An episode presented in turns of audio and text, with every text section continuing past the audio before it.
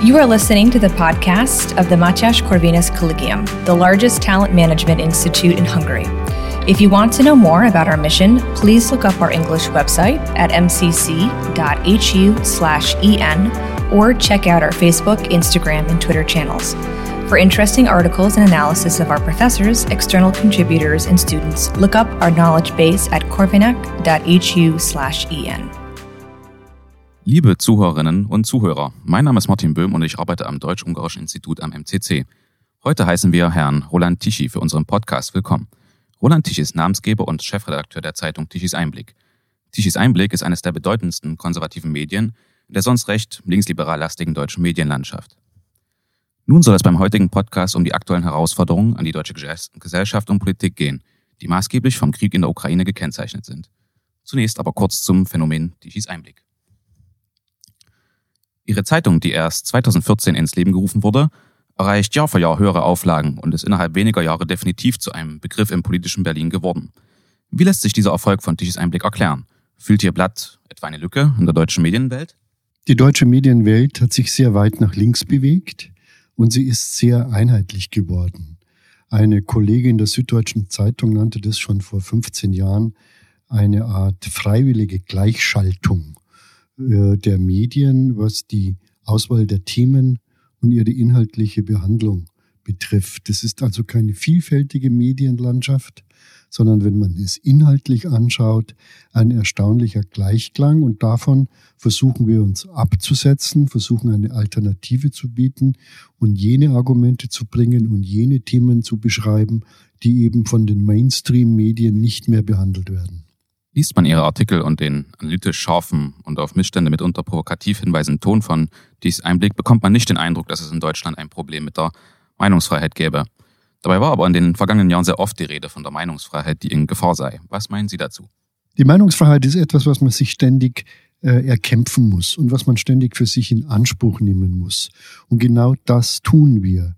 Und äh, die Beschränkung der Meinungsfreiheit entsteht durch einen wütenden Widerspruch, der uns entgegenschallt, auch durch wirtschaftliche Sanktionen, die uns immer wieder treffen sollen, oder auch äh, durch Ausgrenzung in den sozialen Medien, über die wir natürlich einen großen Teil unserer Nachrichten verbreiten. Und ähm, die äh, wirksamste Methode ist Ausgrenzung und Stillschweigen. Dagegen wiederum wehren wir uns wir haben ja nicht nur diese Zeitschrift, sondern wir haben täglich einen Blog mit 15 Nachrichten. Wir haben einen täglichen Podcast mit Nachrichten. Wir haben ähm, Videosendungen, die wir verbreiten. Wir haben einen eigenen Buchverlag. Das heißt also, wir bespielen alle Medien, die so üblich sind, um uns Gehör zu verschaffen und dadurch hm, bekämpfen wir diesen Versuch, die Meinungsfreiheit äh, einzuschränken. Die Meinungsfreiheit wird nicht eingeschränkt, wie das früher in den sozialistischen Staaten der Fall war, mit äh, Gefängnis oder mit äh, noch schlimmeren Methoden. Sie wird eben durch Ausgrenzung und Stillschweigen versucht durchzusetzen. Und also muss man laut sein, um sich gegen diese Ausgrenzung und dieses verordnete Stillschweigen zur Wehr zu setzen. Und genau das machen wir. Die Financial Times nannte uns mal äh, die Trompete der deutschen Medienlandschaft. Gut, Trompeten sind eben auch manchmal schrill, aber sie müssen laut sein. Ebenso schrill wird es, wenn es jetzt zur nächsten Frage kommt. Äh, Olaf Scholz und seine Ampelkoalition bzw. Fortschrittskoalition sind nun seit mehr als einem halben Jahr im Amt. Versprochen wurde eine gerechte grüne Bundesrepublik, sozusagen ein großer Sprung nach vorn. Was wurde bisher davon umgesetzt? Wie schrill ist die Bilanz? Die Bilanz ist in der Tat schrill. Der Begriff, um den es hier geht, ist die große Transformation der Gesellschaft. Ein Begriff, wenn man den verwandt hat, noch vor zwei Jahren wurde man verdächtig, ein Verschwörungstheoretiker zu sein. Äh, der Begriff große Transformation wurde mit Antisemitismus konnotiert. Äh, und heute ist die große Transformation die offizielle Politik der Bundesregierung. Was versteht, versteht man darunter? Es ist zunächst eine massive Veränderung der Gesellschaft, äh, indem man sie einer Klimapolitik unterwirft. Äh, Deutschland soll also an allen Ecken und Enden CO2 frei werden, keine Emissionen mehr zulassen. Und das führt natürlich zu ungeheuren wirtschaftlichen Verwerfungen. Das ist der wirtschaftspolitische Aspekt. Aber mindestens genauso wichtig und im Augenblick auch trag, tragender ist die sozial- und gesellschaftspolitische Transmission. Die Transformation soll hingehen zu einer Gesellschaft, in der es buchstäblich Mann und Frau nicht mehr gibt.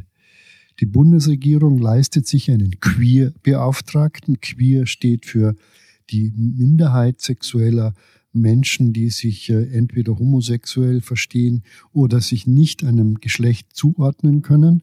Also diese, diese offizielle Verlautbarung der Bundesregierung lautet, es gibt Mann und Frau nicht.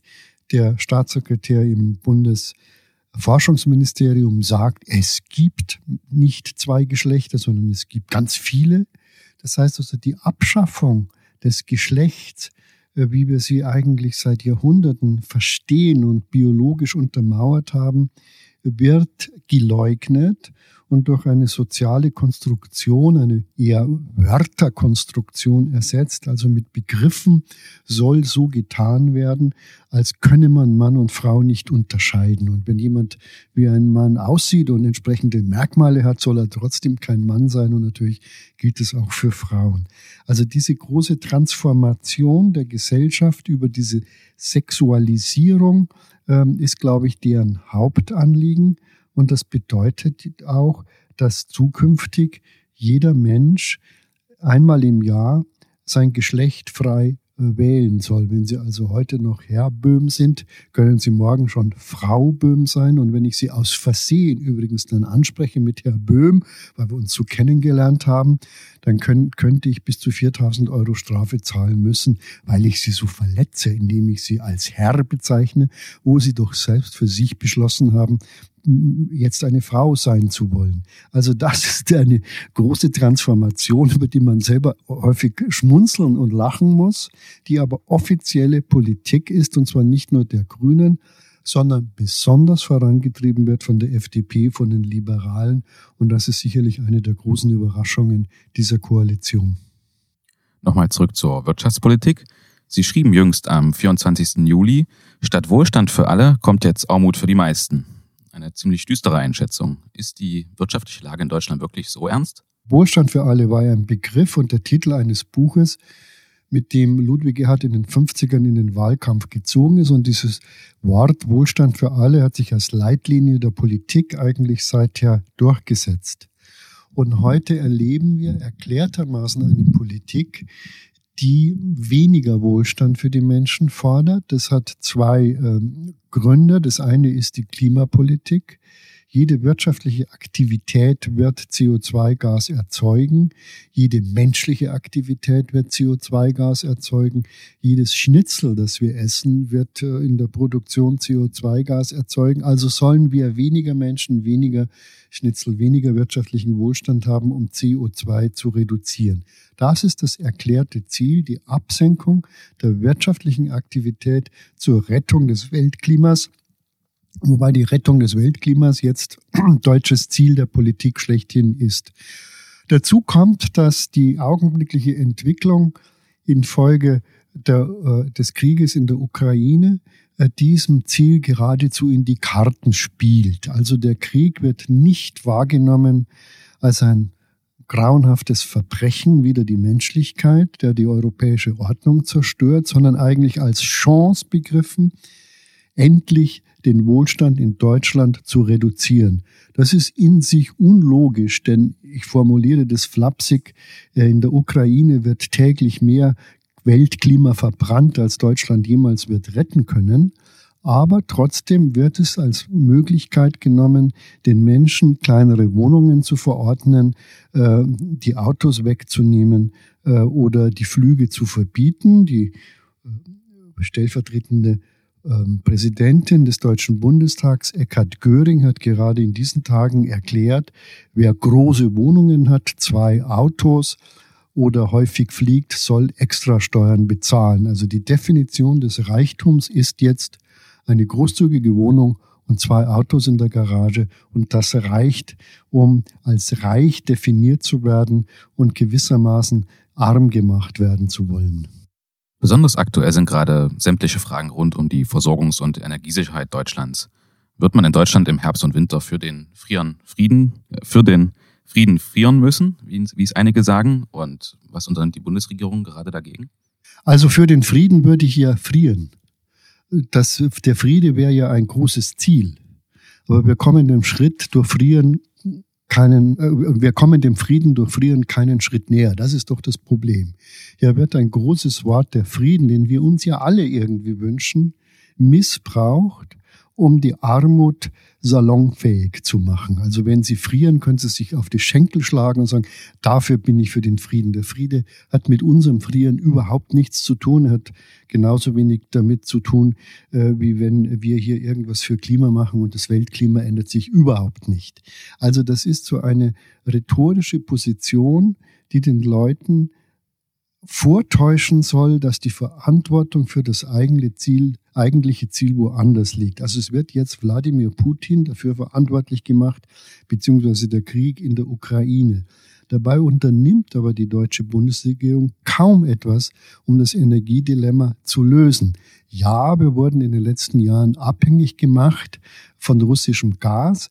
Davor wurden wir gewarnt. Das wussten wir auch selbst, dass dieses ein Risiko ist, sich von einem Lieferanten so gnadenlos abhängig machen zu wollen.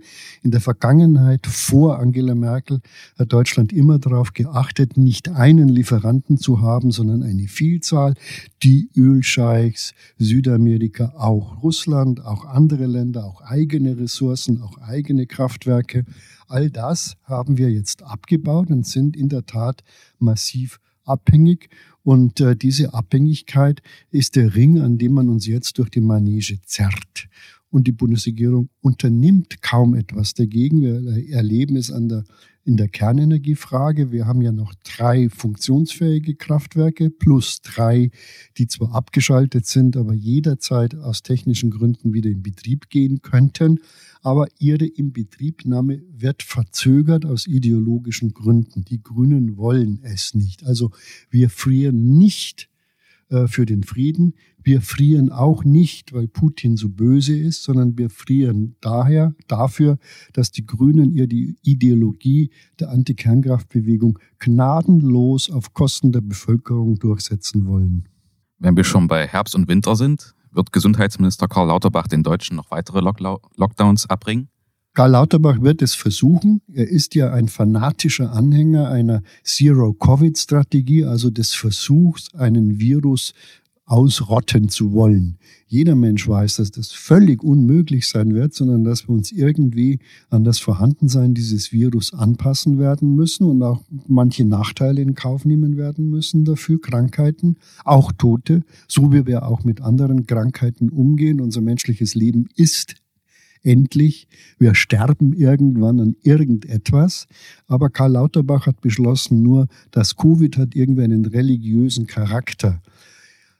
Nun ist Karl Lauterbach ein komplett unfähiger Maniac. Ähm, er zerstört auch das System der deutschen Krankenversicherung. Es ist dringend renovierungsbedürftig. Die Kosten laufen davon, die Strukturen brechen zusammen, den Kliniken fehlen Ärztebetten und Personal. All dies packt er nicht an. Das hat zunächst gar nichts mit Covid zu tun, sondern ist die Verdoppelung des Problems. Und dieser Karl Lauterbach, glaube ich, ähm, müsste dringend als Minister abgelöst werden. Aber das ist die Schwäche dieser Koalition, der Ampelkoalition aus FDP, SPD und den Grünen, dass sie sich aus sich heraus nicht regenerieren kann. Sie kann keine eigenen Fehler erkennen, sie kann keine eigenen Fehler korrigieren, weil sie die Wirklichkeit vor ihrer Haustür nicht mehr wahrnimmt, sondern nur noch ihren Ideologien nachrennt. Jetzt nochmal zu einem anderen Politikfeld. Die Ungarn sind bekanntlich enge Freunde der Deutschen. Doch die Flüchtlingskrise 2015 ließ offensichtliche Risse entstehen. Seitdem hat Ungarns Bild in Deutschland und auch Deutschlands Bild in Ungarn gelitten. Was sind die gesellschaftspolitischen Konsequenzen der Flüchtlingskrise nun, etwa sieben Jahre danach? Hat Deutschland gelernt von möglichen Fehlern? Deutschland hat aus diesen Fehlern kaum gelernt. Nach wie vor werden die Grenzen geöffnet. Es gibt massenweise Zuwanderung weiterhin. Es gibt keine Abschiebung von Flüchtlingen, die sich als Betrüger, als Illegale oder sonst wie als Schwindler erweisen. Diesen Weg hat man praktisch aufgegeben. Im Gegenteil, man will hunderttausendfach und millionenfach Aufenthaltsgenehmigungen und Pässe möglichst schnell an die Zuwanderung der Ära Merkel jetzt vergeben. Das heißt also, die Zuwanderung äh, wird sich weiter erhöhen nach Deutschland und sie wird sich praktisch für alle Zeit verfestigen. Und die Konsequenzen sieht jeder, der durch eine deutsche Stadt geht, egal ob es eine kleinere Stadt ist oder eine Großstadt. Es ist ein, eine Veränderung im Bild unserer Städte hin zu einer Art großarabischen Gesellschaft, die jetzt sichtbar sich in den Vordergrund drängt und die dadurch beantwortet wird, dass stillschweigend sich die deutsche Gesellschaft spaltet in eine ältere Gesellschaft von Menschen, die schon länger hier leben. Deutschland, Deutsche darf man ja nicht mehr sagen. Und in eine Zuwanderungsgesellschaft, die ihr eigenes prekäres, auf Staatshilfe angewiesenes Leben führt, eher nach den kulturellen Regelungen, wie man sie aus Bagdad oder Beirut kennt. Jetzt nochmal zur Ukraine-Krise der, aus der gegebenen Aktualität. Viktor Orban sagte jüngst in einer Rede, wenn Donald Trump und Angela Merkel in ihren Ländern noch an der Regierung wären, wäre der Ukraine-Krieg niemals ausgebrochen. Würden Sie dieser Einschätzung zustimmen? War Angela Merkel auf dem außenpolitischen Parkett etwa abschreckender als Olaf Scholz?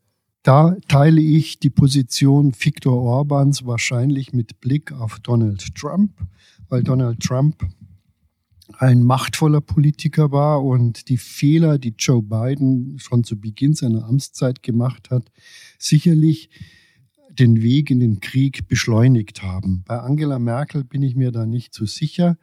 Angela Merkel hat zwar einmal als Leitlinie ausgegeben, sie wisse, dass Putin den Weg in den Westen suche, er sei nicht zu stoppen, sein Weg sei nur zu verlangsamen. Aber da sieht man schon, dass sie eigentlich innerlich akzeptiert hat, dass Wladimir Putin immer weiter nach Westen marschiert und gewissermaßen die alte Sowjetunion in ihren ursprünglichen Grenzen wiederherstellen will. Also Angela Merkel war eigentlich nicht bereit, den Weg in den Westen zu stoppen, sondern nur zu verlangsamen. Warum? Darüber streiten sich die Geister. Das wird erst die Geschichte uns zeigen, warum sie ähnlich wie Olaf Scholz einen extrem pro-sowjetischen Kurs im Ergebnis gefahren hat. Ich bin der Meinung, dass äh, hier zwischen Olaf Scholz und Merkel kaum ein Unterschied zu machen ist.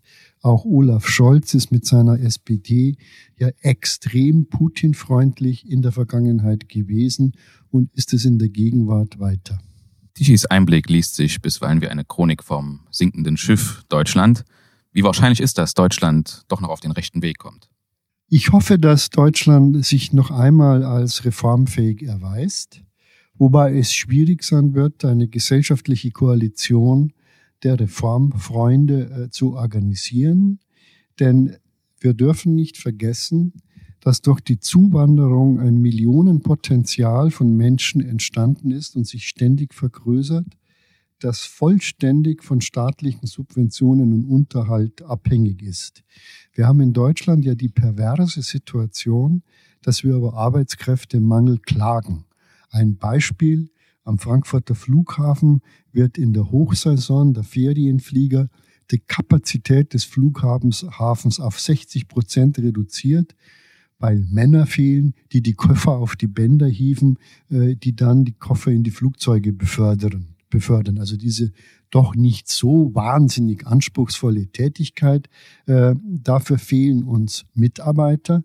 Und gleichzeitig hat Deutschland, wenn man die Zahlen der offiziellen Statistik um den Wahrheitsfaktor erneuert, circa sechs Millionen Arbeitslose. Warum sind wir nicht in der Lage, aus diesen sechs Millionen Arbeitslosen vielleicht 500 zu finden, die am Frankfurter Flughafen Koffer schleppen. Keine schöne, aber übrigens eine durchaus gut bezahlte Arbeit mit ungefähr 25 Euro in der Stunde.